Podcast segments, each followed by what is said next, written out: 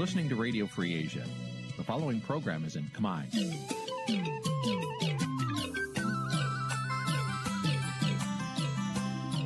នេះជាកម្មវិធីផ្សាយ Vuthu Azizi Serai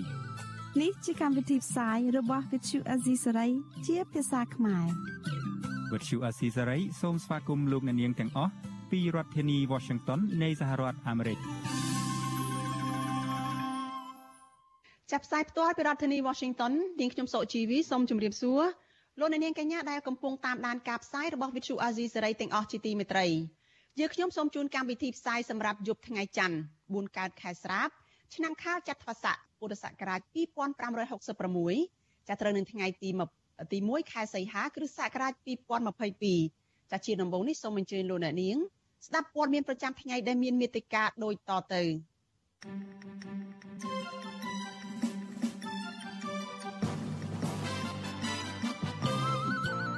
ពលរដ្ឋនៅខេត្តស្ទឹងត្រែងស្នើឲ្យអាជ្ញាធរបង្ក្រាបអ្នកកាប់ឈើនិងអាឈើដែលសេពថ្នាំញៀននៅក្នុងព្រៃឡង់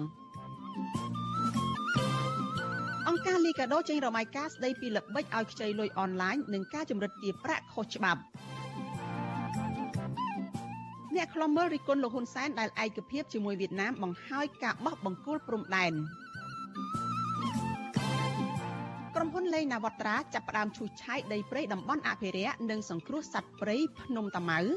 រួមនឹងព័ត៌មានសំខាន់ៗមួយចំនួនទៀត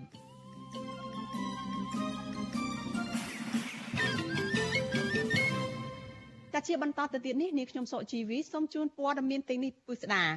ចលនានាងជាទីមេត្រីតើលោកអ្នកនាងបានដឹងព័ត៌មានអ្វីខ្លះពីការបោកប្រាស់តាមអនឡាញជាពិសេសបណ្ដាញបោកប្រាស់ដោយផ្ដល់ប្រាក់កម្ចីអនឡាញ ចាស់នៅក្នុងកម្មវិធីផ្សាយនៅយប់នេះចាស់នេះខ្ញុំនឹងមានសម្ភារផ្ទាល់មួយជាមួយមន្ត្រីនៃអង្គការសិទ្ធិមនុស្សលីកាដូចាស់ដែលអង្គការនេះបានរកឃើញថាបណ្ដាញកម្ចីប្រាក់អនឡាញកំពុងដាក់គោលដៅលើស្ត្រីខ្មែរនៅលើបណ្ដាញសង្គម Facebook និង Telegram ដោយទាញអ្នកទាំងនោះឲ្យធ្លាក់ទៅក្នុងបំណុលវាន់កនិងការចម្រិតទាបប្រាក់តាមរយៈការប្រើប្រាស់រូបភាពនិងវីដេអូអាក្រាតកាយរបស់ជនរងគ្រោះចានាយកទទួលបន្ទុកកិច្ចការទូតនៃអង្គការសិទ្ធិមនុស្សលីកាដូលោកអំសំអាត នឹងចូលមកឆ្លើយនៅសំណួរមួយចំនួនតាក់ទងនឹងថាតើអ្វីទៅជាបណ្ដាញផ្ដល់ប្រាក់កម្ចីអនឡាញបោកប្រាស់តើបណ្ដាញទាំងនោះប្រើប្រាស់មធ្យោបាយយ៉ាងណាខ្លះដើម្បីបោកប្រាស់អ្នករងគ្រោះហើយនឹងថាតើត្រូវធ្វើដូចម្តេចដើម្បីជៀសវាងការបោកប្រាស់បែបនោះបានចាសសូមអញ្ជើញលោកអ្នកនាងរងចាំតាមដានកិច្ចសម្ភាសនេះនៅក្នុងការផ្សាយរបស់យើងនៅពេលបន្តិចទៀតនេះចលនានាងជាទីមិត្តរីព័ត៌មានតកតងនឹងព្រៃឡង់ឯណោះវិញ ចាមន្ត្រីសង្គមស៊ីវិលនិងប្រជាសហគមន៍ការពារព្រៃឡង់នៅក្នុងខេត្តស្ទឹងត្រែងអំពាវនាវឲ្យសមត្ថកិច្ចពាក់ព័ន្ធនៅក្នុងខេត្តនេះ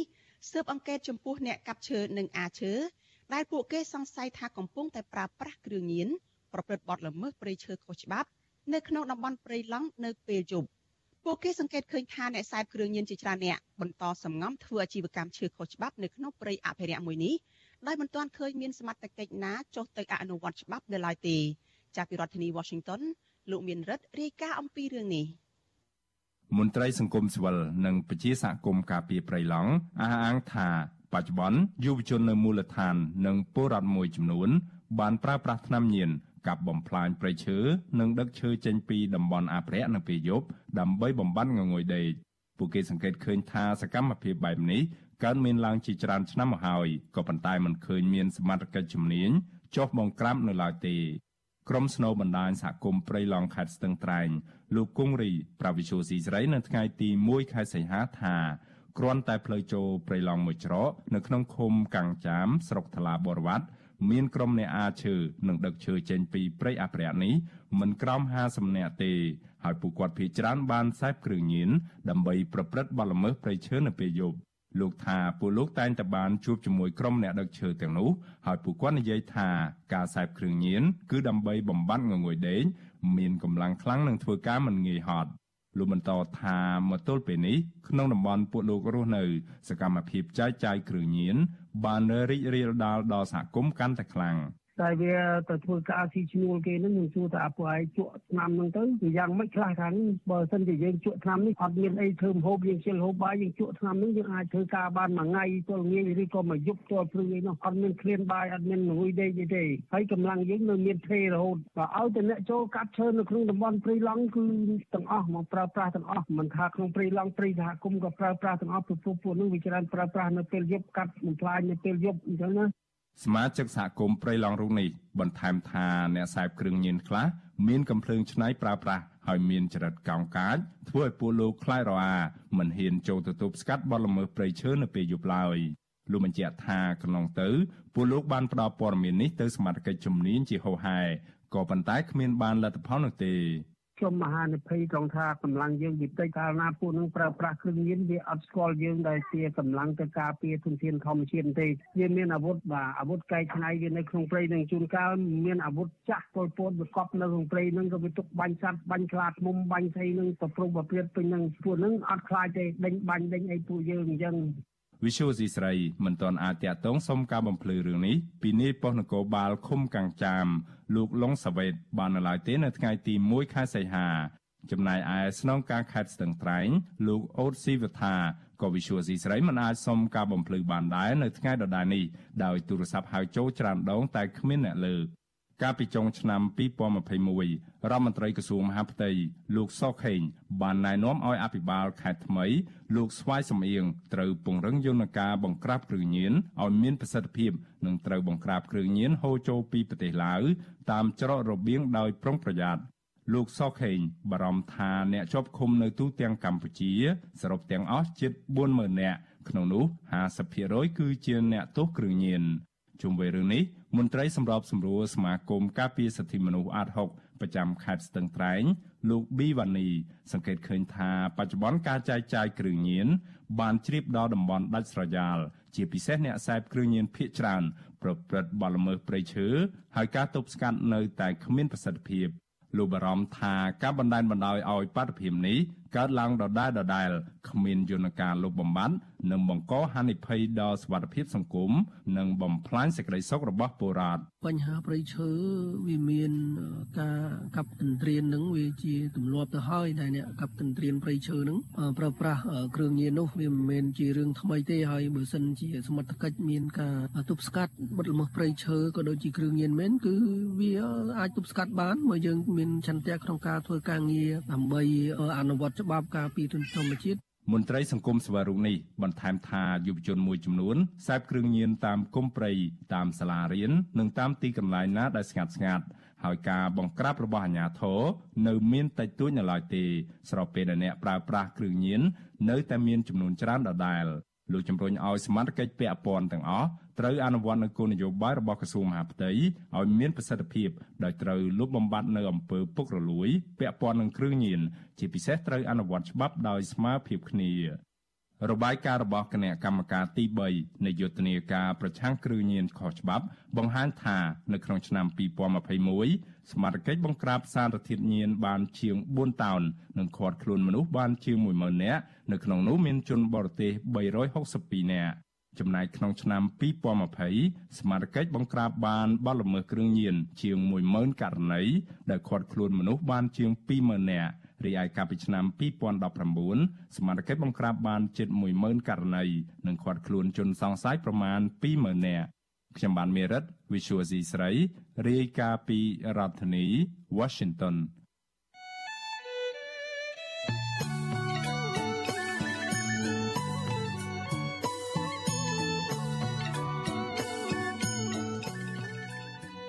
លោកនាងកញ្ញាប្រិយមិត្តជាទីមេត្រីចានៅក្នុងឱកាសនេះដែរចានេះខ្ញុំសូមថ្លែងអំណរគុណដល់លោកនាងកញ្ញាទាំងអស់ដែលតែងតែមានភក្ដីភាពចំពោះការផ្សាយរបស់យើងហើយចាត់ទុកការស្ដាប់វិទ្យុអាស៊ីសេរីនេះគឺជាផ្នែកមួយនៃសកម្មភាពប្រចាំថ្ងៃរបស់លោកអ្នកនាង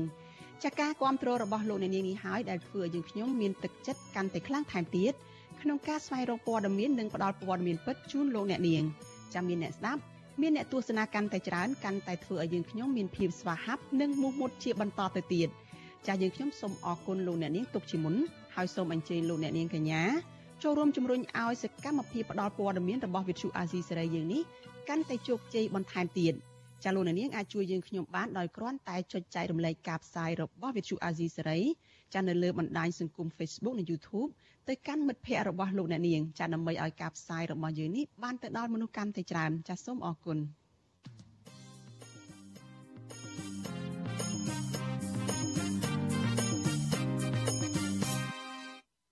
ចាលោកនាងកញ្ញាប្រិយមិត្តជាទីមេត្រីលោកអ្នកកំពុងតែតាមដានការផ្សាយរបស់ Vithu Azizi សេរីចាប់ផ្សាយចេញពីរដ្ឋធានី Washington សហរដ្ឋអាមេរិកព័ត៌មានតកតងនឹងការបោះបង្គោលព្រំដែនរវាងកម្ពុជាវៀតណាមវិញម្ដងចាអ្នកខ្លាំមើលកិច្ចការព្រំដែនកម្ពុជាវៀតណាមប្រតិកម្មខ្លាំងៗចំពោះលោកយមត្រីហ៊ុនសែនដែលឯកភាពជាមួយវៀតណាមបន្តបោះបង្គោលព្រំដែនបង្ហើយឲ្យបាន100%ចាទន្ទឹមនឹងគ្នានេះពួកគេអះអាងថា ផែនការកំណត់ព្រំដែនដោយដោយផ្អែកទៅលើសន្ធិសញ្ញាបំពេញបន្ថែមនៅក្នុងឆ្នាំ1985និងឆ្នាំ2005ក្រោមការគ្រប់គ្រងដោយវៀតណាមនឹងធ្វើឲ្យកម្ពុជាបាត់បង់ដីស្រែចម្ការទៅឲ្យវៀតណាមបន្ថែមទៀតចាប់ប្រតិកម្មនេះធ្វើឡើងបន្ទាប់ពីលោកហ៊ុនសែននិងមេដឹកនាំវៀតណាមបានប្រកាសជំរុញការបោះបង្គោលព្រំដែនរវាងប្រទេសទាំងពីរដែលនៅសេសសល់នោះឲ្យបានចប់នៅក្នុងពេលឆាប់ឆាប់ខាងមុខនេះចាលូទីនសការីយ៉ារាយការណ៍ព័ត៌មាននេះ អ្នកខ្លំមើលកិច្ចការព្រំដែនសោកស្ដាយជាខ្លាំងចំពោះរដ្ឋាភិបាលលោកនាយករដ្ឋមន្ត្រីហ៊ុនសែនប្រកាសបោះបង្គោលព្រំដែនជាមួយរដ្ឋាភិបាលវៀតណាមបន្តទៀតដោយមិនខ្វល់ពីមតិរិះគន់និងរំលោភលើរដ្ឋធម្មនុញ្ញកិច្ចព្រមព្រៀងសន្តិភាពទីក្រុងប៉ារីសនោះទេពួកគេលើកឡើងថាការបោះបង្គោលព្រំដែនកន្លងមកនេះមានភាពមិនប្រក្រតីជាច្រើនគណៈបរដ្ឋហ៊ានជឿឆ្អាលឬបញ្ចេញមតិឬចុះពិនិត្យបង្គោលព្រំដែនរដ្ឋាភិបាលលោកហ៊ុនសែនបែរជារារាំង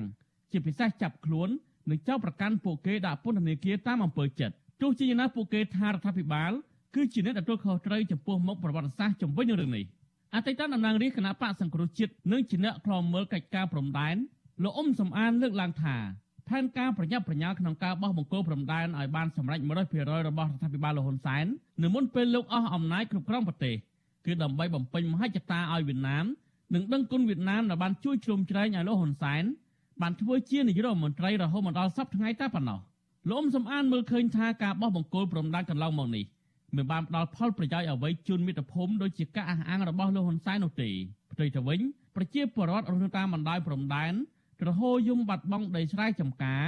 ដោយសាររដ្ឋាភិបាលកំណត់ខណ្ឌសីមាព្រំដែនផ្អែកទៅតាមសន្ធិសញ្ញាបំពេញបន្ថែមឆ្នាំ1985និងឆ្នាំ2005ក្រោមការត្រួតពិនិត្យរបស់វៀតណាម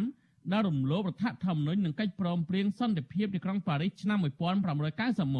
កន្លងមកនេះការបោះបង្គោលព្រំដែនហ្នឹងបានធ្វើឲ្យបាត់បង់ទឹកដីកម្ពុជាទៅប្រទេសវៀតណាមរួចទៅហើយអញ្ចឹងនៅពេលដែលបោះបង្គោលបន្ថែមទៀតនេះនឹងធ្វើឲ្យបាត់បង់ទឹកដីខ្មែរនៅតាមព្រំដែនហើយនឹងធ្វើឲ្យប្រជាពលរដ្ឋនៅតាមព្រំដែននឹងស្រែកទៅហូរយំបាត់ដីស្រែចម្ការរបស់គាត់បន្ថែមទៀតនៅពេលដែលបោះបង្គោលហ្នឹង ប្រតិកម្មរបស់អ្នកខ្លោមមើលកិច្ចការព្រំដែននេះគឺនៅបន្ទាប់ពីលោកនាយករដ្ឋមន្ត្រីហ៊ុនសែននិងអគ្គលេខាធិការមជ្ឈិមបកកុម្មុយនីសវៀតណាមលោកជួវ៉ាន់ជៀនកាលពីថ្ងៃទី29កក្កដាបានឯកភាពគ្នាជំរុញការបោះបង្គោលព្រំដែនដែលនៅសេសសល់ចំនួន16%ទៀតឲ្យបានឆាប់រហ័សដោយរដ្ឋាភិបាលអះអាងថាដើម្បីប្រែក្លាយព្រំដែនប្រទេសទាំងពីរឲ្យមានសុខសន្តិភាព និងមានព្រំដែនស្ថិរភាពបង្កលក្ខណៈងាយស្រួលឲ្យប្រជាពលរដ្ឋរស់នៅតាមព្រំដែនកាន់តែល្អប្រសើរ វិទ្យុអសិរ័យមិនអាចតកតងអ្នកនាំពាក្យរដ្ឋាភិបាលនិងប្រធានគណៈកម្មាធិការទទួលបន្ទុកកិច្ចការព្រំដែនលោកវ៉ាកំហុងដើម្បីសុំសួរអំពីបញ្ហានេះបានទេនៅថ្ងៃទី1សីហាកាលពីខែតុលាឆ្នាំ2019លោកនាយករដ្ឋមន្ត្រីហ៊ុនសែនបានចុះហត្ថលេខាទទួលស្គាល់ជាផ្លូវការការបោះបង្គោលព្រំដែននិងខណ្ឌសីមាព្រំដែនដីគោកដែលកម្ពុជានិងវៀតណាមសម្រេចបានប្រមាណជា85%បើទោះបីជាមានការរិះគន់ពីសំណាក់ក្រុមអ្នកខ្លាំមើលពីកិច្ចការព្រំដែននិងប្រជាពលរដ្ឋ ស្នើសុំកុំឲ្យលោកចុះហត្ថលេខាទទួលស្គាល់យ៉ាងណាក្តីជុំវិញនឹងរឿងនេះប្រធានសមាគមសម្ព័ន្ធនិស្សិតបញ្ញវន្តខ្មែរលោកកើតសរាយមានប្រសាសន៍ថា បញ្ហាព្រំដែនគឺជាបញ្ហារួមរបស់ប្រជាពលរដ្ឋខ្មែរទាំងអស់ដែលរដ្ឋាភិបាលគួរតែលើកទឹកចិត្តឲ្យប្រជាពលរដ្ឋបញ្ចេញមតិឲ្យបានទូលំទូលាយលោកបន្តថាការស្វែងរកសន្ធិសញ្ញាឬកិច្ចព្រមព្រៀងណាមួយយកមកកំណត់ព្រំដែនឲ្យបានច្បាស់លាស់ជាមួយប្រទេសជិតខាង គឺជារឿងល្អសម្រាប់ជាតិប៉ុន្តែលោកបារម្ភថាភាពមិនប្រក្រតីនៃសន្ធិសញ្ញាបំពេញបន្ថែមកាលពីឆ្នាំ1985និងឆ្នាំ2005ក្នុងពេលដែលកម្ពុជាមិនទាន់ឯកភាពផ្នែកនយោបាយផ្ទៃក្នុងទស្សនៈនិងផលប្រយោជន៍រួមនៅឡើយនោះការបោះបង្គោលព្រំដែនមិនអាចបង្ហាញពីភាពត្រឹមត្រូវប្រសិទ្ធភាព និងយុត្តិធម៌សម្រាប់ប្រជារដ្ឋខ្មែរឡើយប្រសិនបើជាក្នុងការចរចាឬក៏ការធ្វើស្ថានភាព សញ្ញាបំពេញបន្ថែមឬកិច្ចព្រមព្រៀងបំពេញបន្ថែមអីណាមួយបន្ថែមទៀតទៅលើព្រំដែនឆាប់បានជាប់រឿងទាំងអស់នេះវាជារឿងល្អដែលវាបានជាប់ប៉ុន្តែតើជាប់នឹងយើងខាតឬចំណេញហើយតើវាអាចជាប់តែបច្ចុប្បន្ននេះវាអាចនឹងនាំឲ្យមានបញ្ហាទៅកូនចៅចំនួនក្រោយធ្ងន់ធ្ងរដែរទេអាហ្នឹងជារឿងចំណុចសំខាន់ណាស់ដែលរដ្ឋាភិបាលត្រូវពិចារណាមែនទេប្រធានធម្មនុញ្ញមាត្រា2និងមាត្រា55ចែងថាបូរណភាពទឹកដីនៃព្រះរាជាណាចក្រកម្ពុជា មិនអាចរំលោភបានជាដាច់ខាតក្នុងព្រំដែនរបស់ខ្លួនដែលមានកំណត់ក្នុងផែនទីខ្នាត1លើ100ពាន់ធ្វើនៅចន្លោះឆ្នាំ1933ដល់ឆ្នាំ1553សន្ធិសញ្ញានិងកិច្ចព្រមព្រៀងទាំងឡាយណាដែលមិនស្របទៅនឹងឯករាជ្យអធិបតេយ្យបូរណភាពទឹកដីអព្យាក្រឹតភាពនិងឯកភាពជាតិត្រូវលុបចោលកម្ពុជាមានព្រំដែនជាប់នឹងប្រទេសវៀតណាមចំនួន1245គីឡូម៉ែត្រ ដែលត្រូវបោះបង្គោលព្រំដែនសរុបចំនួន371បង្គោលបច្ចុប្បន្នប្រទេសទាំងពីរបានបោះបង្គោលរួចរាល់ចំនួន315បង្គោលឬស្មើនឹង85%ហើយនៅសល់បង្គោលចំនួន56ទៀតស្ថិតនៅក្នុងខេត្តរតនគិរីមណ្ឌលគិរីត្បូងឃ្មុំស្វាយរៀងខេត្តកណ្ដាលនិងខេត្តតាកែវខ្ញុំទីនសាការីយ៉ាវិទ្យុអាស៊ីសេរីប្រធានីវ៉ាស៊ីនតោន ចាលោកនាងកញ្ញាជាទីមេត្រីតកតងនឹងរឿងនេះដែរគឺក្រុមអ្នកតាមដានកិច្ចការព្រំដែនជំទាស់ទៅនឹងផែនការរបស់រដ្ឋាភិបាលកម្ពុជា និងវៀតណាមដែលបានព្រមព្រៀងគីគ្នានៅពេលថ្មីថ្មីនេះថានឹងបោះបង្គោលព្រំដែនរវាងប្រទេសទាំងពីរដែលនៅសេសសល់ចំនួន16%នោះឲ្យបានចប់ពួកគេថារដ្ឋាភិបាលនៃប្រទេសទាំងពីរនេះអាចបន្តបោះបង្គោលព្រំដែនឲ្យគ្រប់ចំនួន100%ទៅបាននោះលុះត្រាតែរដ្ឋាភិបាលកម្ពុជាដោះស្រាយបញ្ហាដែលអាញាធរវៀតណាម ឈ្លានពានចូលទឹកដីកម្ពុជានៅក្នុងតំបន់មួយចំនួននិងរងចាំអ្នកបច្ចេកទេសកិច្ចការព្រំដែនបារាំងចុះមកត្រួតពិនិត្យដែលរដ្ឋាភិបាលកម្ពុជាធ្លាប់បានស្នើនាពេលនោះជាមុនសិនចាសសូមអញ្ជើញលោកអ្នកនាងរងចាំទស្សនាបទសម្ភាសអំពីបញ្ហានេះនៅក្នុងការផ្សាយរបស់យើងនៅពេលបន្តិចទៀតនេះ។ ចលនានេះកញ្ញាប្រិយមិត្តជាទីមេត្រីព័ត៌មានតកតងនឹងការដែលបណ្ដាញក្រុមបោកប្រាស់អនឡាញដាក់គោលដៅបោកប្រាស់ស្ត្រីខ្មែរនៅតាមបណ្ដាញសង្គម Facebook និង Telegram វិញម្ដងចតាលោកអ្នកនាងបានដឹងអ្វីខ្លះចាប់ពីការបោកប្រាស់តាមអនឡាញជាពិសេសគឺនៅក្នុងបណ្ដាញបោកប្រាស់ដោយផ្ដាល់ប្រាក់កម្ចីអនឡាញ ចានៅពេលនេះនេះខ្ញុំមានសម្ភារផ្ទាល់មួយជាមួយនឹងមន្ត្រីនៃអង្គការសិទ្ធិមនុស្សលីកាដូចាគឺគឺលោកអំសម្អាតចាដែលអង្គការនេះបានរកឃើញថាបណ្ដាញកម្ចីប្រាក់អនឡាញកំពុងតែដាក់គោលដៅទៅលើស្ត្រីខ្មែរនៅលើបណ្ដាញសង្គម Facebook និង Telegram ចាដោយបានទាញអ្នកទាំងនោះឲ្យធ្លាក់ទៅក្នុងបំណុលវ័នកនិងការចម្រិតទារប្រាក់តាមរយៈការប្រើប្រាស់រូបភាពវីដេអូអាក្រាតរបស់ជនរងគ្រោះចាលោកអំសម្អាតនឹងមកឆ្លើយនៅសំណួរមួយចំនួនចាតតងថាថាតើអ្វីទៅជាបណ្ដាញ ផ្ដល់ប្រាក់អនឡាញដែលជាបណ្ដាញបោកប្រាស់នោះហើយតើបណ្ដាញទាំងនោះប្រើប្រាស់មធ្យោបាយយ៉ាងណាខ្លះដើម្បីបោកប្រាស់អ្នករងគ្រោះហើយតើពលរដ្ឋយើងទូទៅនឹងតើត្រូវធ្វើយ៉ាងម៉េចដើម្បីជៀសផុតពីការបោកប្រាស់ទាំងនោះចានេះខ្ញុំសូមជម្រាបសួរលោកអំសំអាតពីចម្ងាយចាបាទសូមជម្រាបសួរបាទចា លោកអំសម្បត្តិរបាយការណ៍របស់អង្គការលីកាដូដែលចេញផ្សាយនៅថ្ងៃនេះនឹងគឺបានរកឃើញថាមានករណីបោកប្រាស់នៅតាមអនឡាញនឹងដោយមានក្រុមដែលគេផ្ដល់ប្រាក់កម្ចីទៅដល់ប្រជាពលរដ្ឋដែលកំពុងតែមានជីវភាពខ្វះខាតហើយគាត់ចូលទៅខ្ចីប្រាក់នៅតាមបណ្ដាញអនឡាញនឹងហើយអង្គការលីកាដូនឹងបានជួយផ្ដល់ប្រឹក្សាយោបល់ឬក៏ជួយសង្គ្រោះស្ត្រី3រូបនៅតាមបណ្ដាខេត្តនឹងដែលរងគ្រោះដោយសារតែក្រុមអ្នកបោកប្រាស់នៅតាមអនឡាញនឹង តើលោកអំសម្បត្តិអាចរៀបរាប់ដោយត្រួសត្រាសបន្តិចមកថាតើអ្វីទៅជាបណ្ដាញបោកប្រាស់អនឡាញនឹងហើយសកម្មភាពបោកប្រាស់នឹងគេធ្វើរបៀបម៉េចខ្លះទៅចា៎បាទសូមអរគុណបាទតកតងនឹងបញ្ហាអឺបណ្ដាញគេថាបោកប្រាស់កម្ចីអឺតាមអនឡាញហ្នឹងគឺធ្វើឡើងដោយ មុនដំបូងគឺគេមានការភ្ជាប់សារតាក់ទងតាមរយៈប្រព័ន្ធបណ្ដាញសង្គមយើងហៅថា Facebook ទៅកាន់ស្ត្រីស្ត្រីមួយចំនួនហើយនៅក្នុងហ្នឹងគឺគេផ្សព្វផ្សាយអំពីកម្ចីអឺប្រាក់របស់គេដំបូងគឺគេផ្ដល់ជាលក្ខណៈតិចតួចទេបានន័យថាចំនួន50ដុល្លារអីទៅដល់ស្ត្រីមួយចំនួនដែលគាត់ ត្រូវការលុយបានន័យថាគាត់ត្រូវការលុយសម្រាប់មើលជំងឺមើលត្រូវការលុយសម្រាប់ដោះស្រាយជីវភាពគ្រួសារឬក៏ត្រូវការលុយចាំបាច់ដោះស្រាយក្នុងជីវភាពគ្រួសារអីជាដើមហ្នឹងគឺគេធ្វើតាក់ទងហើយគេផ្សព្វផ្សាយពីបញ្ហានៃការផ្ដល់កម្ចីចឹងទៅហើយវិជាការងាយស្រួលអត់មានលក្ខខណ្ឌអីទេចឹងទៅ អញ្ចឹងដំបូងឡើយហ្នឹងគឺគេគេផ្ដល់កម្ចីហ្នឹងតិចតួចទេគឺ50ដុល្លារសម្រាប់ទៅដល់ស្ត្រីហ្នឹងអញ្ចឹងអឺការផ្ដល់កម្ចីហ្នឹងអត់បានអ្វីជាក់លាក់ទេ គឺគេថាផ្ដល់ជួយដោយមិនមានលក្ខខណ្ឌអីទេហើយចាដូចរបៀបអ្នកស្គាល់គ្នាឲ្យខ្ចីសិនទៅឆក់មួយផ្លែតសិនទៅបាទដូចជាអ្នក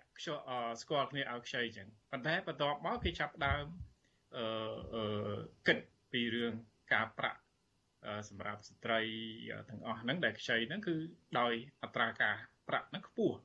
ទោះបីគាត់សងហើយអីហើយនៅតែអត់អត់រួចទេហើយជាធ្នូមួយទៀតចុងក្រោយដែលដែលសងមិនរួចហើយគេនៅតែព្យាយាមទៀមទាអូស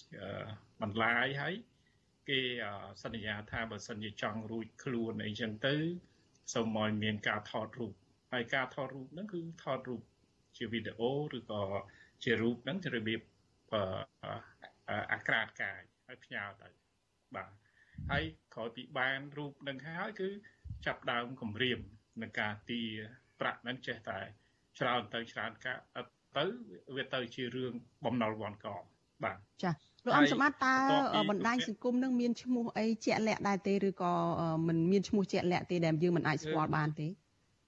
បើយើងនិយាយពីបណ្ដាញសង្គមនឹងគឺឈ្មោះរបស់គេវាមិនមែនជារឿងពិតទេគេហៅថាបណ្ដាញសង្គមរបៀប fake មិនពិតបើន័យថាបង្កើតបង្កើតឡើងដើម្បីអឺមុខរបរនៃការចម្រិតឬក៏ការឲ្យខ្ចីចឹងទេហើយអាហ្នឹងគឺជាការបង្កើត account คล้ายៗតែមិនមែនជារឿង account ឈ្មោះពិតអីទេអញ្ចឹងគឺអឺ តាក់តងតាមដូច្នេះលោកអំសម្បត្តិកាត់ប្រសាសន៍លោកស្ត្រីរងគ្រោះ3រូបដែលអង្គការលីកាដូបានមានព័ត៌មានពីពួកគាត់ពីការបោកប្រាស់តាមអនឡាញហ្នឹងតើគាត់មានឈ្មោះអ្នកដែលផ្ដល់ប្រាក់កម្ចីហ្នឹងផ្សេងផ្សេងគ្នាឬក៏ដូចគ្នាដែរចា៎អឺតាមពិតឈ្មោះខុសគ្នាមិនមែនតែមួយទេន័យថា account ដែលឆាតមកគាត់ផ្ដល់ហ្នឹងគឺខុសខុសគ្នាទាំងអស់បាទ ហើយរូបក៏មិនពិតអីក៏មិនពិតដែរអញ្ចឹងដាក់មកអញ្ចឹង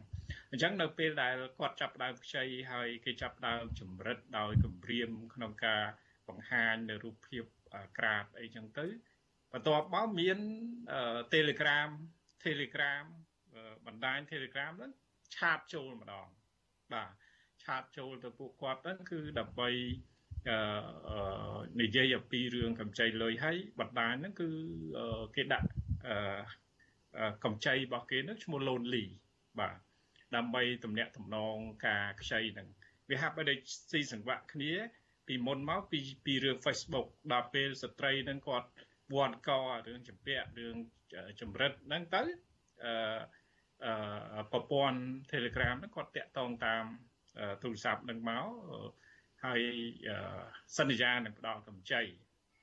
ជាច្រើនអញ្ចឹង ពួកគាត់នឹងខ្ចីខ្ចីពីឈ្មោះថា lonely ហ្នឹងហើយដើម្បីទៅសងអ្នកដែលអឺចម្ពាក់មុននោះអញ្ចឹងគាត់ខ្ចីទៅទៅសងគេសងហើយចាប់ដើមចម្ពាក់អ្នកថ្មីនេះអញ្ចឹងអឺអ្វីដែលអ្នកថ្មីនេះគឺដូចគ្នានៅពេលដែលឲ្យខ្ចីហើយគឺមានរូបភាពអីស្តៀងគ្នាអញ្ចឹងហើយចាប់ដើមទាការខ្ពស់បាទ ហើយការខ្ចីឧទាហរណ៍1000គាត់ទទួលបានតែ500ឬ600ទេបាទដែលធ្លាក់ទៅគាត់អញ្ចឹងកម្ចី1000អញ្ចឹងអាការហ្នឹងវាឡើងកាន់តែខ្ពស់ទៅហើយទៀមទីឲ្យសងបើសិនជាមិនសងទេគម្រាមថានឹងបញ្ចេញរូបភាពអាក្រាតវីដេអូអាក្រាតអីចឹងទៅហើយបន្ទាប់មកមិនអោយគាត់ចាប់ដើមតាក់ទងទៅលេខដែល មានតំណែងតំណងជាមួយនឹងជនរងគ្រោះនឹងអ្នកណាក៏ដោយឲ្យតែមានលេខ ដែលតំណែងតំណងដូចជាក្រុមគ្រួសារមិត្តភ័ក្តិឬក៏លេខណានោះគឺចាប់ដើមតាក់ទងទៅគេហើយនិយាយពីរឿងជាពាក់ហ្នឹងបន្តបន្តអញ្ចឹងទៅដែលធ្វើឲ្យស្ត្រីហ្នឹងគាត់រងគ្រោះអញ្ចឹងយើងគិតមើលគាត់คล้ายជាជនរងគ្រោះទី1ជាការរំលោភបំពានទៅលើផ្លូវភេទបានន័យថា social harassment ន័យថាទៅរំលោភបំពានផ្លូវភេទនៅគម្រាមក្នុងការប្រើប្រាស់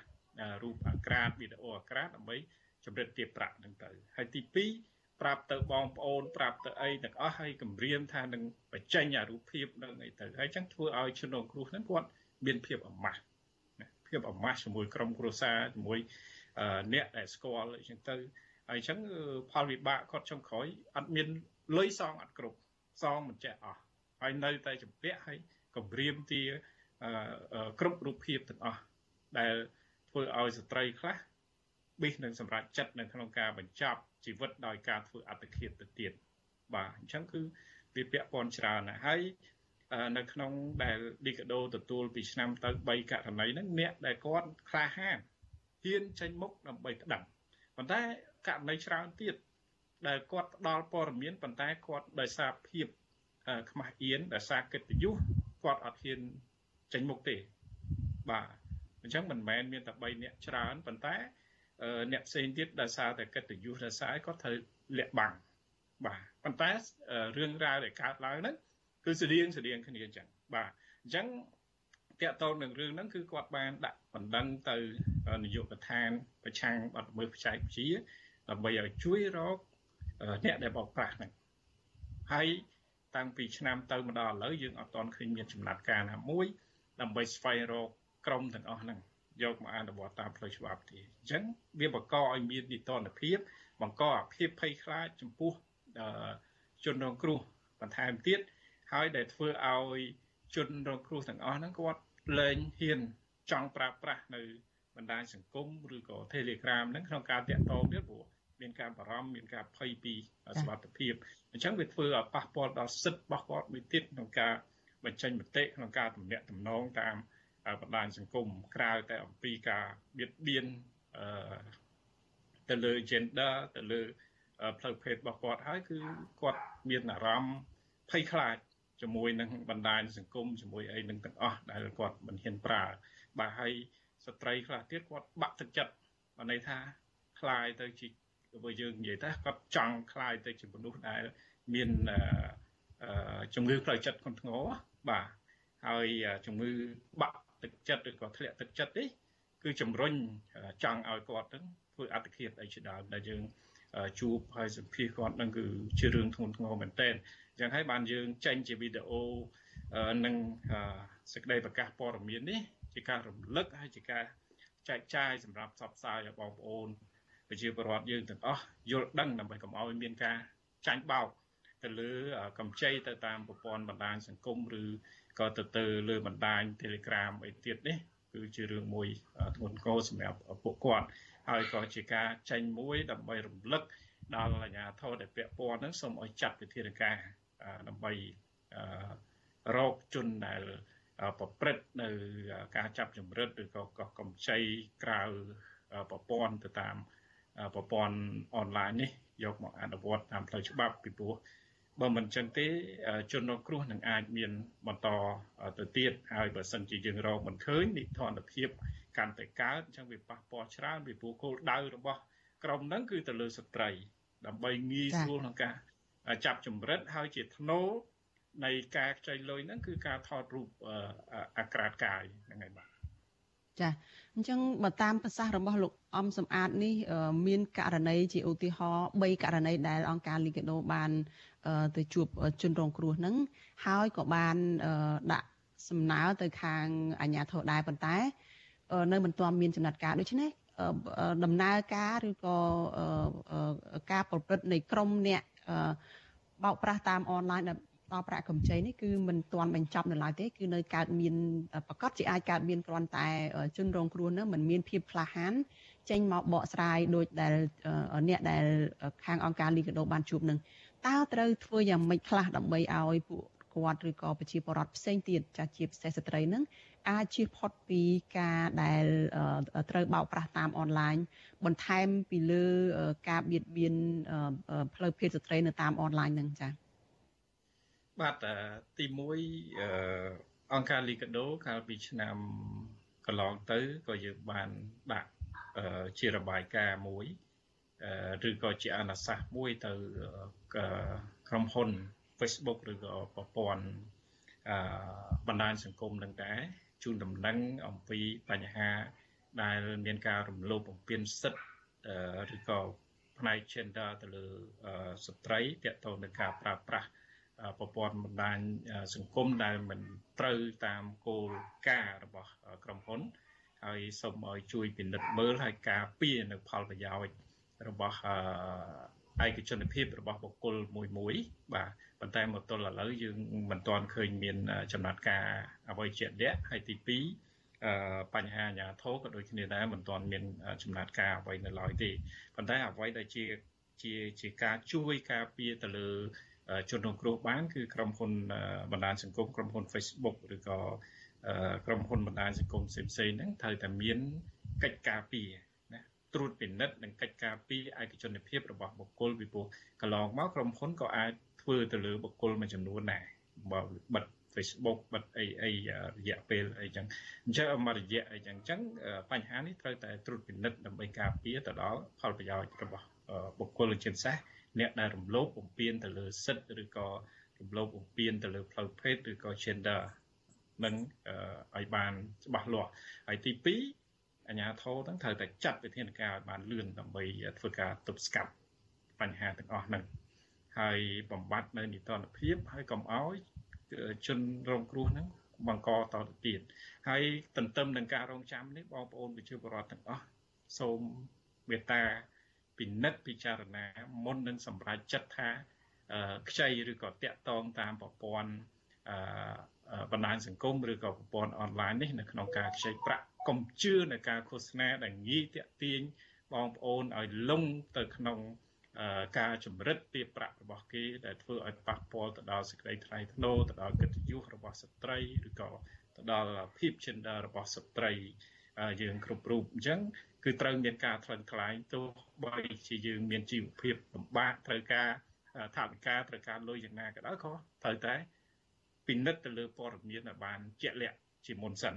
បាទហើយទី3បើត្រូវតែមានភាពក្លាហានបើសិនជាបងប្អូនដែលត្រូវបានគេបោកប្រាស់គេចាប់ចម្រិតតាមរបៀបហ្នឹងត្រូវតែហ៊ានចេញមុខនៅក្នុងការ ទៀមទារកយុត្តិធម៌សម្រាប់បងប្អូនទាំងអស់គ្នាដើម្បីធ្វើការទប់ស្កាត់កុំឲ្យបងប្អូនយើងខាងក្រោយហ្នឹងគាត់រងគ្រោះដោយយើងទៀតបាទអញ្ចឹងអាភាពក្លាហាននេះគឺជាការចាំបាច់កាលណាយើងមិនហ៊ានទេគេនឹងបន្តរបៀបថាបោកប្រាស់យើងចាប់ចម្រិតយើងបន្តទៅទៀតហើយបន្តទៅបងប្អូនដតីទៀតដូចគ្នាដែរអញ្ចឹងលើកទឹកចិត្តថាភាពខ្មាស់អៀនជារឿងមួយប៉ុន្តែដើម្បី កិច្ចផុតពីការបោកប្រាស់និងការចម្រិតទារប្រាក់តាមប្រព័ន្ធអនឡាញនេះត្រូវតែមានភាពក្លាហានដើម្បីជួយគ្នានៅក្នុងការទប់ស្កាត់ជាពិសេសគឺការផ្ដល់ព័ត៌មាននិងការផ្ដល់សមត្ថកិច្ចដើម្បីទប់ស្កាត់បញ្ហាទាំងអស់នោះបាទ ចានេះជាមួយជ្រុងទៀតនៃ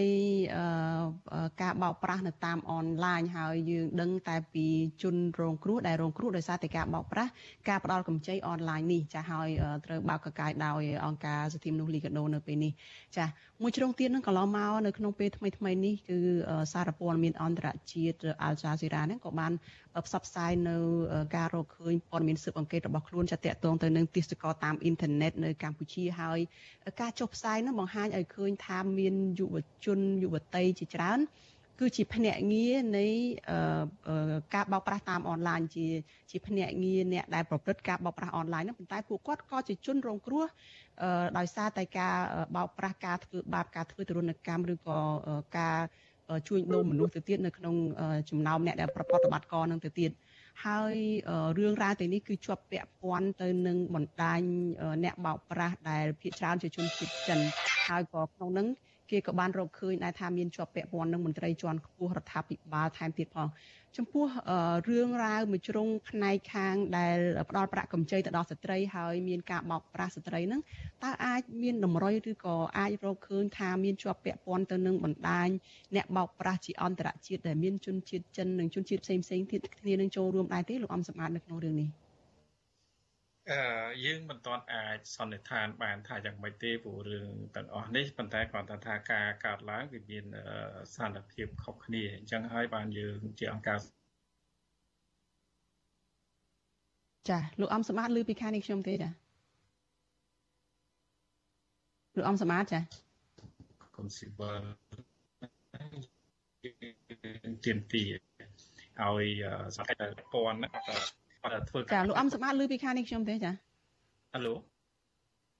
ចាខ្ញុំឮឮវិញហើយលោកអំសម្បត្តិមាញ់មិញហ្នឹងរៀងដូចថាប្រព័ន្ធអ៊ីនធឺណិតហ្នឹងរៀងយឺតហើយដាច់សម្ដីរបស់លោកអំសម្បត្តិខ្លះចាសូមលោកចាប់ដើមជាថ្មីចាសូមជើញ បាទករណីទាំងពីរនេះយើងមិនអាចសន្និដ្ឋានថាវា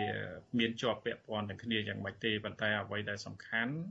ដើម្បីទី1គឺមុខមាត់នៃប្រទេសជាតិយើងហើយទី2ដើម្បីការទប់ស្កាត់និងការពារទៅដល់ជនរងគ្រោះដែលជនឆ្លៀតឱកាសក្នុងការបោកប្រាស់ឬក៏ចម្រិតទារប្រាក់ទៅតាមប្រព័ន្ធអនឡាញហ្នឹង អាជ្ញាធរត្រូវតែចាត់វិធានការដើម្បីធ្វើការស៊ើបអង្កេតស្រាវជ្រាវឲ្យបានច្បាស់លាស់ហើយរកជនដែលពាក់ព័ន្ធហ្នឹងយកទៅអនុវត្តតាមផ្លូវច្បាប់ហើយបញ្ហាដែលសារព័ត៌មានអន្តរជាតិក៏ដូចសារព័ត៌មានជាតិបានចុះកន្លងមកហ្នឹងវាជាព័ត៌មានមួយដែលវាប៉ះពាល់បាទយើងមើលទៅគឺប៉ះពាល់សម្រាប់កម្ពុជាយើងអញ្ចឹងបានទៀមទាឲ្យមាន តម្លាភាពនៅក្នុងការស៊ើបអង្កេតនិងការស្រាវជ្រាវហើយចេញជារបាយការណ៍ដើម្បីធ្វើការឆ្លើយតបទៅលើបញ្ហាទាំងអស់នេះឲ្យបានច្បាស់លាស់នោះបាទចាសូមអរគុណច្រើនលោកអំសំអាតចាដែលជានាយកទទួលបន្ទុកកិច្ចការទូតរបស់អង្គការសិទ្ធិមនុស្សលីកាដូចាដែលបានផ្ដល់សម្ភារនៅយុគនេះចាសូមជម្រាបលាលោកត្រឹមប៉ុណ្ណេះចាជួបគ្នានៅឱកាសក្រោយទៀតចា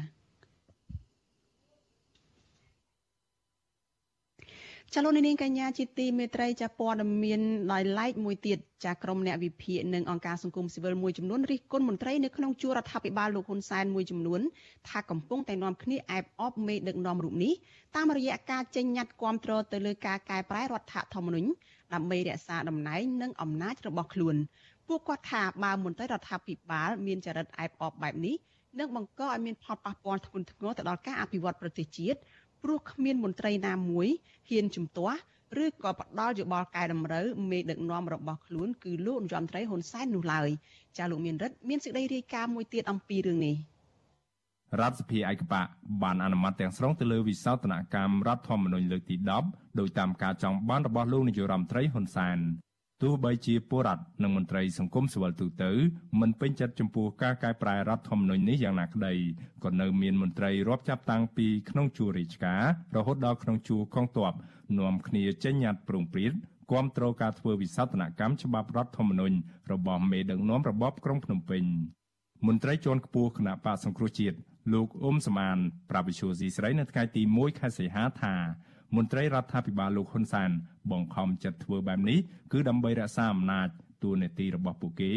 និងខ្លាចមានបញ្ហាជាមួយរដ្ឋាភិបាល តាមរយៈការធ្វើទុកបុកម្នេញឬការចាប់កំហុសពួកគេ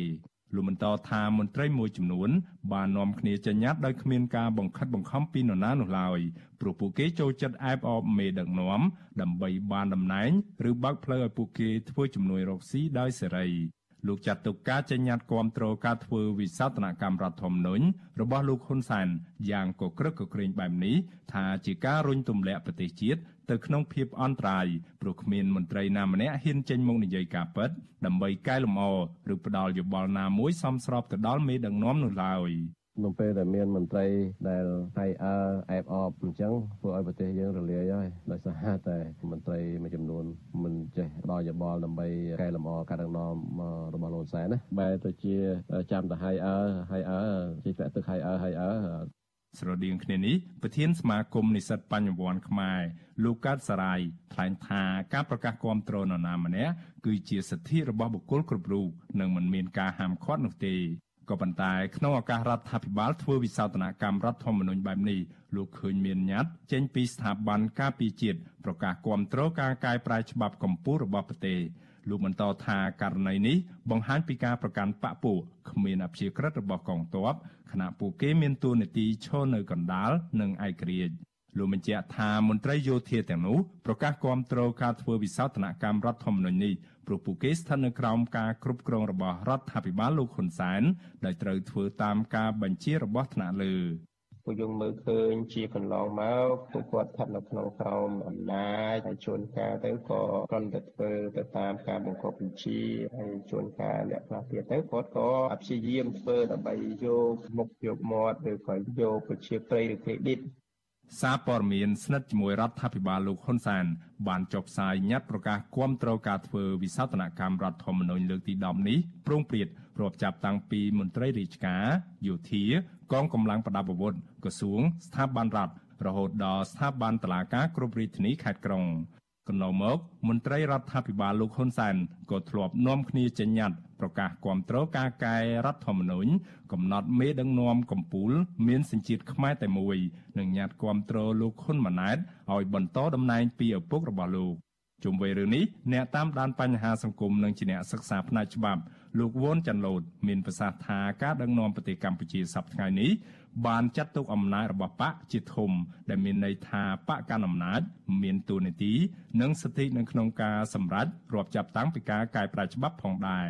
លោកបន្តថាកាលណានៅក្នុងប្រទេសមួយ មានការដឹកនាំដោយយកបកជាធំបែបនេះនោះនឹងបណ្ដាលឲ្យមានភាពរញ៉េរញ៉ៃមន្ត្រីរាជការលែងដឹងពីទូនាទីរបស់ខ្លួនហើយធ្វើឲ្យច្បាប់លែងមានតម្លៃសម្រាប់ប្រជាពលរដ្ឋឬបង្កើតមកសម្រាប់តែវាយប្រហារភាគីប្រឆាំងតែប៉ុណ្ណោះច្បាប់នោះគឺត្រូវបានការពារនៅផលប្រយោជន៍របស់មនុស្សមួយក្រុមដែលជាអ្នកដែលមានឥទ្ធិពលឬក៏ជាអ្នកដែលកំពុងកាន់អំណាចចឹងបាទឲ្យច្បាប់បែបនេះវាមិនមែនជាច្បាប់ដែលឆ្លោះបញ្ចាំងពីឆន្ទៈរបស់ពលរដ្ឋទេ កាលពីព្រឹកថ្ងៃទី28ខែកក្កដារដ្ឋសភាឯកបកបានបើកកិច្ចប្រជុំពេញអង្គដើម្បីពិភាក្សានិងអនុម័តលើរបៀបវារៈមួយចំនួន ក្នុងនោះមានសេចក្តីព្រាងច្បាប់រដ្ឋធម្មនុញ្ញចំនួន6មាត្រានិងច្បាប់ធម្មនុញ្ញបន្ថែមចំនួន2មាត្រា ដែលមាត្រាទាំងនេះចែងជាសំខាន់អំពីការតែងតាំងតួនាទីនាយករដ្ឋមន្ត្រីការបន្ថយអំណាចសមាជិកសភានិងការបង្កើនសិទ្ធិអំណាចរបស់គណៈបកនយោបាយដែលមានអាសនៈច្រើននៅក្នុងរដ្ឋសភា តំណាងរាស្ត្ររបស់គណៈបកប្រជាជនកម្ពុជាទាំងអស់បាននាំគ្នាលើកដៃអនុម័តដោយពុំមានមតិជំទាស់អ្វីឡើយក្រុមអង្គការសង្គមស៊ីវិលជាង100ស្ថាប័នរិះគន់ថារដ្ឋសភាអនុម័តការកែរដ្ឋធម្មនុញ្ញលើកទី10នេះនឹងធ្វើឲ្យប៉ះពាល់ដល់ប្រព័ន្ធប្រជាធិបតេយ្យសេរីពូប៉ាប៉ះពាល់ដល់ស្មារតីឯកភាពជាតិនិងមិនបានឆ្លុះបញ្ចាំងពីឆន្ទៈពិតប្រាកដរបស់ពលរដ្ឋនោះទេ ចំណែកឯក្រុមសមាជិកសភាអាស៊ានដើម្បីសិទ្ធិមនុស្សហៅកាត់ថា APHR កាលពីថ្ងៃទី27ខែកក្កដាបានរិះគន់ថាការកែប្រែច្បាប់រដ្ឋធម្មនុញ្ញនេះគឺជាការសម្លាប់លទ្ធិប្រជាធិបតេយ្យដើម្បីពង្រឹងអំណាចបកពួករបស់លោកហ៊ុនសែននិងជាការត្រួសត្រាយផ្លូវឲ្យលោកហ៊ុនម៉ាណែត មានភាពងាយស្រួលឡើងអង្គុយកៅអីនាយករដ្ឋមន្ត្រីជំនួសឪពុករបស់លោកខ្ញុំបានមេរិត Visual C ស្រីរាយការណ៍ពីរដ្ឋធានី Washington ចាលោកនាងកញ្ញាប្រិយមិត្តជាទីមេត្រីចាលោកអ្នកកំពុងតែតាមដានការផ្សាយរបស់ Vithu Azizi Serai ចាព័ត៌មានតកតងនឹងគណៈបកនយោបាយដែលត្រៀមខ្លួនសម្រាប់ការបោះឆ្នោតជាតិនៅក្នុងឆ្នាំ2023ឯនេះវិញចាគណៈបកតូចតូចចំនួន5បានដាក់រូបមន្តចំនួន3ដើម្បីឈានទៅដល់ការបង្រួបបង្រួមគ្នាសម្រាប់ត្រៀមចូលរួមការបោះឆ្នោតជាតិនៅក្នុងឆ្នាំ2023ខាងមុខ ចាចុះសម្រាប់លោកសំរងស៊ីដែលជាមេដឹកនាំគណៈបកប្រឆាំងដ៏ធំជាងគេនៅក្រៅប្រទេសវិញតើលោកយល់ឃើញបែបណាចំពោះផែនការរួបរวมរបស់គណៈបកនយោបាយទាំងនេះចាសូមអញ្ជើញលោកអ្នកនាងរងចាំស្ដាប់នីតិវេទិកានៃស្ដាប់វិទ្យុអាស៊ីសេរីចាដែលលើកជជែកអំពីបញ្ហានេះនៅយប់ថ្ងៃអង្គារទី2ខែសីហាស្អែកនេះកុំបីខាន ចាលោកនាងក៏អាចសួរវាគ្មិនកិត្តិយសរបស់យើងចាឬក៏បញ្ចេញមតិយោបល់បានដែរដោយលោកអ្នកនាងអាចដាក់លេខទូរស័ព្ទរបស់លោកអ្នកនាងនៅក្នុងខ្ទង់ comment របស់ Facebook និង YouTube របស់ Vithu Azizi Serai ចាក្រុមការងាររបស់យើងនឹងហៅទៅលោកអ្នកនាងវិញដើម្បីផ្ដល់ឱកាសឲ្យលោកអ្នកនាងអាចបញ្ចេញមតិយោបល់ឬសួរវាគ្មិនរបស់យើងនៅពេលនោះចាសសូមអរគុណ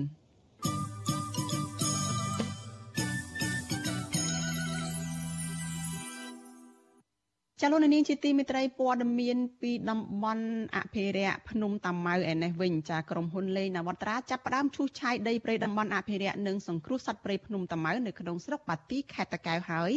នៅថ្ងៃទី1ខែសីហានេះសង្គមស៊ីវិលនិងសកម្មជនបរិស្ថានបារម្ភជាខ្លាំងចំពោះជីវិតសត្វព្រៃដែលកំពុងរស់នៅព្រៃតំបន់នោះហើយទទូចដល់រដ្ឋាភិបាលឲ្យក្រុមហ៊ុនបញ្ឈប់ការឈូសឆាយដីព្រៃភ្នំតាម៉ៅជាបន្ទាន់ចាលោកជីវតារាយការណ៍អំពីរឿងនេះ បន្ទាប់ពីចាប់ផ្ដើមកាប់ព្រៃឈើធំធំកាលពីថ្ងៃទី28កក្កដាមកក្រុមហ៊ុនលេណាវ៉ាត្រាដែលទទួលបានគម្រោងវិនិយោគដី500ហិកតាពីក្រុមហ៊ុន Fresh Mill Aeco ក៏ចាប់ផ្ដើមឈូសឆាយព្រៃតំបន់អភិរក្សនិងសង្គ្រោះសត្វព្រៃភ្នំតាម៉ៅហើយនៅថ្ងៃទី1ខែមេសានេះអ្នកគ្រប់គ្រងគម្រោងសង្គ្រោះនិងថែរក្សាសត្វព្រៃនៃអង្គការសម្ព័ន្ធសត្វព្រៃលោកណេចម៉ាក់ប្រាវិទ្យូអាស៊ីសេរីថា លោកបារម្ភពីផលប៉ះពាល់ដល់ជីវិតសត្វព្រៃយ៉ាងខ្លាំងពីព្រោះកន្លងមករដ្ឋបាលព្រៃឈើបានបដិសេធថាព្រៃនៅខាងក្រៅសួនសត្វភ្នំតាម៉ៅគ្មានសត្វព្រៃរស់នៅទេប៉ុន្តែជាក់ស្ដែងលោកថាព្រៃតំបន់អភិរក្សនិងសង្គ្រោះសត្វព្រៃភ្នំតាម៉ៅសម្បូរទៅដោយសត្វព្រៃជិតផុតពូជជាច្រើន លោកបញ្ជាក់ថាកន្លងមក អង្គការសម្ព័ន្ធសត្វព្រៃធ្លាប់ដាក់កាមេរ៉ាថតជាប់រូបសត្វក្តាន់ប្រើ ឆ្មាដាវជាដើម ហើយបច្ចុប្បន្នសត្វក្តាន់ត្រូវបានអង្គការសហភាពអន្តរជាតិសម្រាប់ការអភិរក្សធម្មជាតិ IUCN ចុះបញ្ជីជាសត្វព្រៃជិតផុតពូជលោកស្នើយ៉ាងទទូចឲ្យក្រុមហ៊ុនលេងណាវត្រា បញ្ឈប់ការឈូសឆាយព្រៃនេះជាបន្ទាន់និងសូមឲ្យរដ្ឋាភិបាលពិចារណាឡើងវិញក្នុងការរក្សាទុកព្រៃតំបន់អភិរក្សនិងសង្គ្រោះសត្វព្រៃភ្នំតាម៉ៅ អំពីសត្វនៅក្នុងព្រៃភ្នំតាម៉ៅខ្ញុំនេះដងខ្ញុំដេកអត់លក់យប់មិញដេកពីមកខ្ញុំស្ដាយណាស់គេបំផ្លាញព្រៃនិងសុំខំបំផ្លាញមន្ត្រីប្រចាំការនៅសួនសត្វភ្នំតាម៉ៅម្នាក់បានប្រាប់វិទ្យុអាស៊ីសេរីដោយសូមមិនបញ្ចេញឈ្មោះថាលោកត្រូវបានមន្ត្រីនគរបាលដែលយាមកាមឲ្យក្រុមហ៊ុនលេណាវត្រាហាមមិនឲ្យចូលមើលក្រុមហ៊ុនកំពុងឈូសឆាយព្រៃនៅតំបន់នោះទេ តែលោកបានឮសំឡេងម៉ាស៊ីនកំពុងឈូសឆាយនិងអាឈើនៅតំបន់នោះលោកគិតថាក្រុមហ៊ុនលេណាវត្រា ចាប់ផ្ដើមឈូសឆាយដីព្រៃពីចំណុចកណ្ដាលព្រៃមកខាងក្រៅវិញព្រោះក្រុមហ៊ុនមិនចង់ឲ្យប្រជាជនមានការភ្ញាក់ផ្អើលតែលោកថាការឈូសឆាយពីកណ្ដាលព្រៃដូចនេះនឹងធ្វើឲ្យសត្វព្រៃផ្អើលហើយរត់ចេញចូលមកក្នុងភូមិអ្នកស្រុកជុំវិញរឿងនេះ សកម្មជនចលនាមេដាធម្មជាតិកញ្ញាលងគុន្ធាប្រាប់វិទ្យុអាស៊ីសេរីថាការឈូសឆាយបំផ្លាញព្រៃតំបន់ភ្នំតាម៉ៅនេះមិនត្រឹមតែធ្វើឲ្យប្រទេសកម្ពុជាបាត់បង់ទ្រព្យសម្បត្តិធនធានធម្មជាតិនិងសត្វព្រៃដែលមិនអាចកាត់ថ្លៃបាននោះទេ វាក៏ធ្វើឲ្យប្រជាពលរដ្ឋនៅតំបន់នោះបាត់បង់ចំណូលពីការទាញយកអនុផលព្រៃឈើថែមទៀតផងជាមួយគ្នានេះ កញ្ញាទទូចដល់រដ្ឋាភិបាលឲ្យរក្សាព្រៃអភិរក្សនិងសង្គ្រោះសត្វព្រៃភ្នំតាម៉ៅទាំងមូលដោយកែប្រែព្រៃតំបន់នេះជាតំបន់អេកូទេសចរវិញ។ អភិវឌ្ឍវាច្រើនកន្លែងហើយកន្លែងណាក៏អភិវឌ្ឍអភិវឌ្ឍហេតុអីក៏មិនຕົកកន្លែងនឹងមួយដើម្បីជាការអភិរក្សទៅដល់ធនធានធម្មជាតិទៅដល់សត្វព្រៃនៅកន្លែងហ្នឹងហើយបើសិនជាមានអាការអភិវឌ្ឍបែបហ្នឹងវាវាផ្ដល់ចំណូលឲ្យណាគេច្រើនជាងគេវាផ្ដល់ចំណូលឲ្យតែទៅលើឯកជនដែលជាអ្នកដែលគាត់ឈូសឆាយព្រៃហ្នឹងវិទ្យុអាស៊ីសេរីមិនអាចតាក់ទងរដ្ឋមន្ត្រីក្រសួងកសិកម្មលោកវែងសខុន និងក្រុមហ៊ុនលេណាវត្រាដើម្បីសូមអត្ថាធិប្បាយអំពីការឈូសឆាយដីព្រៃតំបន់អភិរក្សនិងសង្គ្រោះសត្វព្រៃភ្នំតាម៉ៅបានទេ នៅថ្ងៃទី1សីហាដោយទូរស័ព្ទចូលតែពុំមានអ្នកទទួលកាលពីថ្ងៃទី14ខែមករាកន្លងទៅលោកខុយខុនហួរមន្ត្រីជាន់ខ្ពស់នៃទីស្តីការគណៈរដ្ឋមន្ត្រីបានចុះហត្ថលេខាស្នើសុំដោះដូរស្ថានីយ៍ចិញ្ចឹមគោពូជភ្នំតាម៉ៅទំហំ300ហិកតា និងដីស្ថិតនៅទីតាំងឧទ្យានសួនសត្វនិងមជ្ឈមណ្ឌលសង្គ្រោះសត្វព្រៃភ្នំតាម៉ៅចំនួន500ហិកតា ដើម្បីវិនិយោគឲ្យក្រុមហ៊ុនខ្មែរឈ្មោះ Fresh Mill Eco និងអនុញ្ញាតផ្ទេរកម្មសិទ្ធិឲ្យក្រុមហ៊ុន និងដៃគូសហការមុនធ្វើការអភិវឌ្ឍដោយផ្អែកតាមចំណារបស់លោកនាយករដ្ឋមន្ត្រីហ៊ុនសែនឧទ្យានជាតិសួនសត្វភ្នំតាម៉ៅនិងមជ្ឈមណ្ឌលសង្គ្រោះសត្វព្រៃភ្នំតាម៉ៅមានផ្ទៃដី2300ហិកតា ដែលត្រូវបានចុះបញ្ជីជាតំបន់អភិរក្សពីក្រសួងកសិកម្មកាលពីឆ្នាំ1995ស្ថិតក្នុងស្រុកបាទីខេត្តតាកែវតំបន់អភិរក្សនេះមានសត្វព្រៃកម្រនិងជិតផុតពូជជាច្រើនប្រភេទកំពុងរស់នៅ និងបង្កកំណើតខ្ញុំជីវិតាអាស៊ីសេរី ចាលោកនាងកញ្ញាប្រិយមិត្តជាទីមេត្រីចាតកតនឹងការឈូសឆាយព្រៃនៅតំបន់អភិរក្សនិងសត្វព្រៃការពារសត្វព្រៃតំបន់ភ្នំតាម៉ៅនេះចានេះខ្ញុំមានសភាផ្ទាល់មួយជាមួយនឹងយុវជនដែលស្រឡាញ់បរិស្ថាន ចាគឺយុវជនកើតសារាយចាលោកកើតសារាយគឺជាយុវជនដែលតែងតែស្វាហាប់ឬក៏ឃ្លាវខ្លានៅក្នុងការការពារបរិស្ថាននិងចូលរួមគ្រប់សកម្មភាពការពារបរិស្ថានចាជំរាបសួរលោកកើតសារាយពីចម្ងាយចា ជំជំរាបសួរបងស្រីហើយជំរាបសួរជនរួមជាតិទាំងអស់គ្នាផងដែរបាទចាលោកខាត់សរាយតើយល់ឃើញយ៉ាងណានៅពេលនេះយើងដឹងថាក្រុមហ៊ុនលេងណាវ៉ាត់ហ្នឹងគឺបានចាប់ដើមឈូសឆាយហើយហើយអ្វីដែលគួរឲ្យកត់សម្គាល់នោះគឺក្រុមហ៊ុនលេងណាវ៉ាត់នេះគឺបានទទួលការតំបន់អភិវឌ្ឍនៅក្នុងតំបន់ភ្នំតាម៉ៅនេះទៅតាមចំណារបស់លោកហ៊ុនសែនទៅទៀត ចំពោះលោកដែលជាអ្នកស្រឡាញ់បរិស្ថានអ្នកការពារធនធានធម្មជាតិអីនេះតើយល់ឃើញយ៉ាងណាចំពោះសកម្មភាពចាប់ផ្ដើមដំបូងក្នុងការអភិវឌ្ឍតំបន់ភ្នំតាម៉ៅនេះចា៎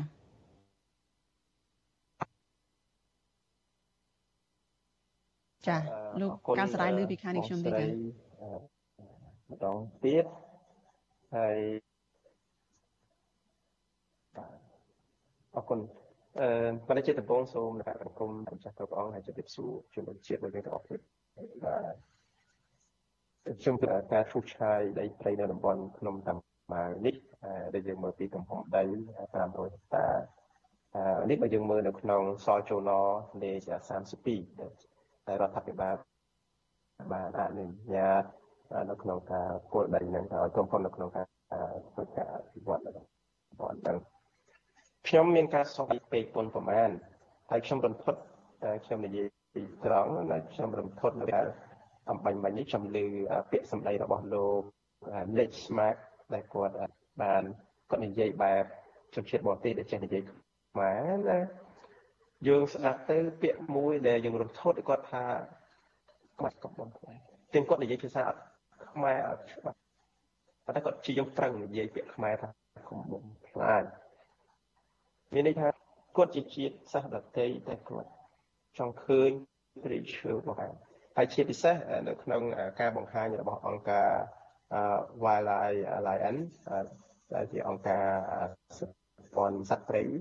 ដែលលោកស្មាច់ធ្វើនៅនោះក៏បានបញ្ជាក់ដែរថាតំបន់ព្រៃតំបន់ព្រៃដែលរដ្ឋាភិបាលបានប្រគល់ទៅឲ្យក្រុមហ៊ុនពិសេសក្រុមហ៊ុនលេនវត្តាឬក្រុមហ៊ុនឈូឆាយ500ហិកតាហ្នឹង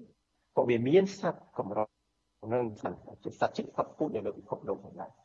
យើងមានកសោកស្ដាយមែនទែននៅពេលដែលឮថាហេតុអីបារីជាច្រើនតំបន់ដែលគួរអភិវឌ្ឍជាច្រើនมันទៅអភិវឌ្ឍហេតុមិនចូលចិត្តតែអភិវឌ្ឍតែបឹងបួរមិនចូលចិត្តអភិវឌ្ឍរោតែភ្នំមិនទៅចូលចិត្តអភិវឌ្ឍរោតែតំបន់ដែលដែលជាយើង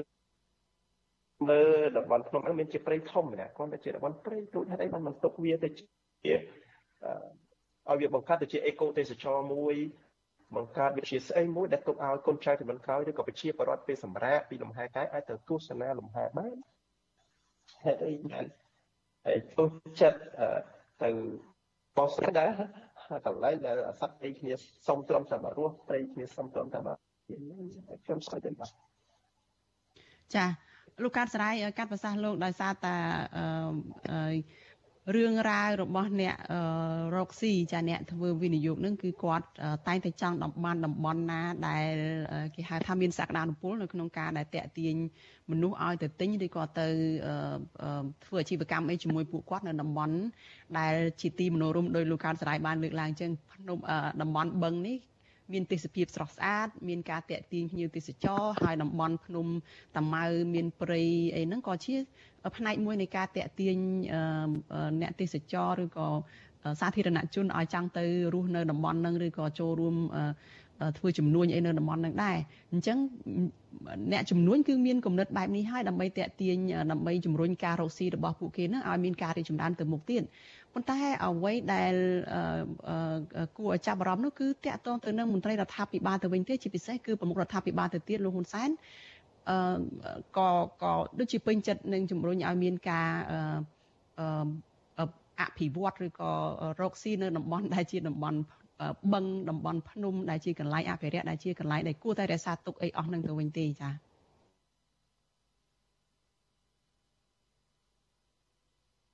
ចាលោកកើតសរាយឮពីខាងនេះខ្ញុំទេចាបាទបាទអរគុណបងដោយសារតែហើយជាសេវាខាងខ្ញុំមកលើរៀងដាច់ដាច់ដាច់ដាច់ណា សូមសូមរបស់សុខាសំណួរដល់វិញដោយសារខាងខ្ញុំលើកដាច់ដាច់ដាច់ចាតើលោកគិតឃើញយ៉ាងម៉េចពីរឿងដែលអ្នករកស៊ីគេចេះតែចង់ទៅរកកន្លែងដែលល្អដែលមានភាពតាក់ទាញសម្រាប់ជំរុញការរកស៊ីរបស់គេហើយប៉ុន្តែគឺមន្ត្រីរដ្ឋាភិបាលជាពិសេសប្រមុខដឹកនាំរដ្ឋាភិបាលលោកហ៊ុនសែនទៅវិញទេដែលគាត់ទំនងដូចជាចូលរួមនៅក្នុងរឿងនឹងដែរហើយជំរុញឲ្យមានការអភិវឌ្ឍនៅតាមតំបន់បឹងឬតំបន់ភ្នំដែលជាកន្លែងអភិរក្សនឹងទៅវិញនោះទេចា៎ បាទអាហ្នឹងហើយជារឿងបាទអឺអាហ្នឹងហើយជារឿងដែលយើងមានការសោកស្ដាយដូចខ្ញុំបានលើកឡើងអំបញ្ញមិញអញ្ចឹងណាអឺហេតុអីបានជាអ្នកអឺក្រុមហ៊ុនដែលអឺទទួលបានសិទ្ធិនៅក្នុងការវិនិយោគអឺនៅតំបន់ដីសាមទានអំពីរដ្ឋដើម្បីធ្វើការអភិវឌ្ឍមិនបានចូលចិត្តស្រឡាញ់តែភ្នំ ស្រឡាញ់តែព្រៃស្រឡាញ់តែបឹងបួរនោះទី1ទី2ហេតុអីបានខាងភាគីរាជរដ្ឋាភិបាលក្រសួងពាក់ព័ន្ធអឺមិនមើលពិនិត្យថាអាតំបន់បឹងតំបន់ភ្នំតំបន់ព្រៃវាជាតំបន់ដែលមានជីវៈចម្រុះវាជាតំបន់ដែលជាជំរកហើយវាជាតំបន់ដែលពិភពលោកគេកំពុងតែបារម្ភ គេកំពុងតែយកចិត្តទុកដាក់នៅក្នុងការឲ្យប្រទេសនីមួយៗចូលរួមនៅក្នុងការការពារនិងថែរក្សាអានោះបានយើងជិះឆ្ងល់ខ្ញុំក៏ឆ្ងល់ដែរបើខ្ញុំនិយាយរឿងបន្តិចឲ្យក្រៅពីរឿងខ្ញុំធ្លាប់ទៅប្រទេសថៃណាខ្ញុំជិះផ្លូវមួយដែលយើងចេញអំពីខេត្តបាត់ដំបងតាមរយៈច្រកសំពៅលូនអឺតាមច្រកសំឡូតយើងចូលទៅខេត្តមួយដែលនៅជាប់នឹងដីរបស់យើងហ្នឹង ខ្ញុំជិះអាផ្លូវគេហ្នឹងសំបីតែកូនបឹងមួយដែលមានដាយវារៀងព្រែកចូលទៅណាគេសុខចិត្តធ្វើផ្លូវអត់អត់កាត់ទេគេសុខចិត្តធ្វើផ្លូវវាំងទៅតាមមាត់បឹងហ្នឹងហើយខ្ញុំឆ្ងល់ថាមិនចាំបាច់ធ្វើឲ្យខាតអញ្ចឹងគឺថាអ្វីគេចង់បានរបស់ដែលវាមានមកពីធម្មជាតិគេចង់រក្សាវាពីព្រោះវាស្អាតវាផ្ដល់នៅភាពស្រស់បំព្រងទៅដល់ការរស់នៅរបស់មនុស្សនិងសុខភាពហើយគេថាទាំងអស់ហ្នឹងមិនមែនចិត្តតែជីកហើយ ធ្វើសិប្បនិមិត្តបានទេព្រោះអានោះវាមានមកពីធម្មជាតិរបស់វាខ្ញុំថាអូចឹងបើស្រុកខ្មែរខ្ញុំមិនចំណាយទៅបែបហ្នឹងទេដូច្នេះបានខ្ញុំរលឹកបងវិញថាកាលណាដែលយើងរាជរដ្ឋាភិបាលអត់អត់បារម្ភហើយអត់យកចិត្តទុកដាក់ហើយចេះតែសញ្ញេអនុញ្ញាតឲ្យក្រុមហ៊ុន យកដៃនឹងទៅធ្វើការអភិវឌ្ឍតែទាំងមិនបានធ្វើការសិក្សាថាតើវាប៉ះផលដល់អីហើយបើទុកវាទៅវាចំណេញអីហើយតើវានឹងផ្ដល់ផលប្រយោជន៍អីខ្ញុំជឿជាក់ថាខ្ញុំនិយាយបែបនេះខាងក្រសួងខាងអីនឹងថាខ្ញុំនឹងល្ងងណាអត់ដែលរៀនពីមេរៀននៃការអភិវឌ្ឍមិនដែលរៀនស្ដីអំពីស្អីស្អីស្អីចឹងទេប៉ុន្តែខ្ញុំថាទោះជាយើងមិនបានរៀនកំពង់រដ្ឋខ្មែរអាចមើលឃើញទាំងអស់គ្នាថា រឿងរបស់ទាំងអស់ហ្នឹងវាសិតតែជាទីកន្លែងដែលទាំងពិភពលោកក្តីទាំងកម្ពុជាក្តីត្រូវតែគួររក្សាវាទុកវាមិនមែនអាចដាំថ្ងៃនេះដុះស្អែកទេណាសិតតែទៀមទាពេលច្រើនណាស់ដែលអាចកសាងវាបានហើយហេតុអីបានតំបន់ខេត្តដូចនៅតាមខេត្តដល់ទៅអីมันព្យាយាមអាចពិវត្តវាទៅហើយព្យាយាមស្វែងរកតែបឹងបួស្វែងរកតែភ្នំដូចនៅភ្នំពេញយើងមើលជាស្ដែងលុបបឹងចុះលុបបឹងឡើងលិចភ្នំពេញហើយនៅពេលដែលលិចគឺអត់បកស្រាយថាហេតុផលគឺមកពីលុបបឹងគឺគឺអត់ យើងទៅមើលអាពាក្យលោកកើតសរាយមួយសំណួរខ្លីចុងក្រោយទៀតដោយសារតែយើងអស់ពេលទៅហើយនឹង ថាតើត្រូវធ្វើយ៉ាងម៉េចទៅតើអ្នកណាខ្លះជាអ្នកទទួលខុសត្រូវនៅក្នុងរឿងរ៉ាវអភិវឌ្ឍលុបបឹងឬក៏ការឈូសឆាយដីព្រៃភ្នំតាម៉ៅដែលធ្វើឲ្យប៉ះពាល់ទៅដល់តំបន់អភិរក្សហើយជាពិសេសគឺមានសត្វព្រៃដែលកម្ររស់នៅថែមទៀតនឹងពីព្រោះថាគម្រោងនេះគឺមិនថយក្រោយទេគឺនឹងបន្តទៅមុខហើយហើយតំបន់អភិរក្សភ្នំតាម៉ៅនេះគឺប្រឈមនឹងការបាត់បង់នឹងឯងចា៎បាទមានចំណុចពីរ ដែលខ្ញុំចង់លើកឡើងនៅក្នុងចំណុចនេះអឺចំណុចទី1អឺខ្ញុំសូមបញ្ជាក់ខ្លីបន្តិចទៅទៅដល់អនុក្រឹត្យដែលខ្ញុំមើលក្នុងន័យអនុក្រឹត្យណាខ្ញុំមើលនៅក្នុងន័យអនុក្រឹត្យនោះគឺហាក់ដូចមានចេតនាបង្កប់នៅក្នុងនឹងគឺមានន័យថាគេបានសរសេរថាក្រុមហ៊ុនមួយនោះក្នុងពេលដែលមិនទាន់ការមានការអភិវឌ្ឍអាចផ្ទេរសិទ្ធិទៅកាន់ក្រុមហ៊ុនផ្សេងទៀតទៅកាន់មានន័យថាក្រុមហ៊ុនឬក៏ ដៃគូសហការនៅក្នុងការអភិវឌ្ឍនឹងបានទៀតដូច្នេះខ្ញុំជឿជាក់ថានឹងអាចមានក្រុមហ៊ុនជាច្រើននៅក្នុងនឹងឬក៏មានដៃគូជាច្រើននៅក្នុងនឹងដែលកំពុងត្រៀមធ្វើស្អីមួយនៅតំបន់នឹងអានឹងជាចំណុចដែលខ្ញុំមើលឃើញថាវាមានភាពមិនប្រក្រតីត្រឡប់ទៅកាន់អ្វីដែលបងបានសួរមិញខ្ញុំលើកពីចំណុច2ចំណុចទី1រដ្ឋាភិបាលខ្លួនឯងផ្ទាល់គូត្រូវតែពិចារណាឡើងវិញជាពិសេសក្រសួងពាក់ព័ន្ធមន្ត្រីជំនាញត្រូវតែធ្វើការចុះសិក្សាឡើងវិញថាតើ រវាងការអភិវឌ្ឍហើយនិងការຕົកតើមួយណាវាចំណេញជាងអាហ្នឹងខ្ញុំលើកទឹកចិត្តចឹងទី